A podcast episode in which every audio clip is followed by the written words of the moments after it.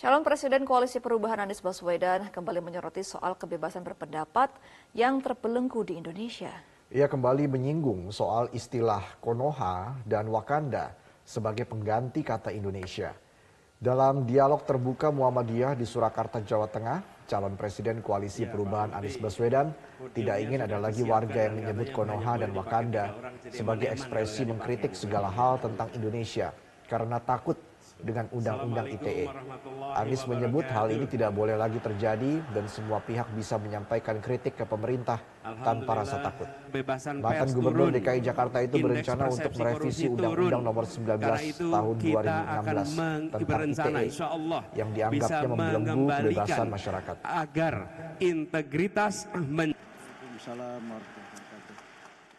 kita menyaksikan juga bagaimana kebebasan dalam demokrasi mengalami penurunan. Kritik justru dibutuhkan dalam sebuah pemerintahan.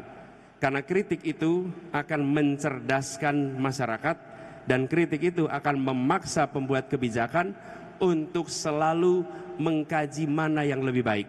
Karena adanya hujanan kritik. Tapi ketika kritik itu mati, maka mati atau dimatikan, maka yang sesungguhnya terjadi kebijakan itu kualitasnya mengalami penurunan. Jadi kami memandang kebebasan ini menjadi salah satu hal yang penting untuk dikembalikan bahkan kebebasan pada rakyat secara umum. Jangan sampai menyebut Indonesia dengan istilah Wakanda, dengan istilah Konoha hanya karena kita tidak berani menyebut nama Indonesia karena khawatir ada undang-undang ITE yang memprosesnya. Insya Allah undang-undang yang, yang membelenggu kebebasan itu yang akan direncana untuk direvisi di ke depannya. Jelajahi cara baru mendapatkan informasi. Download Metro TV Extend sekarang.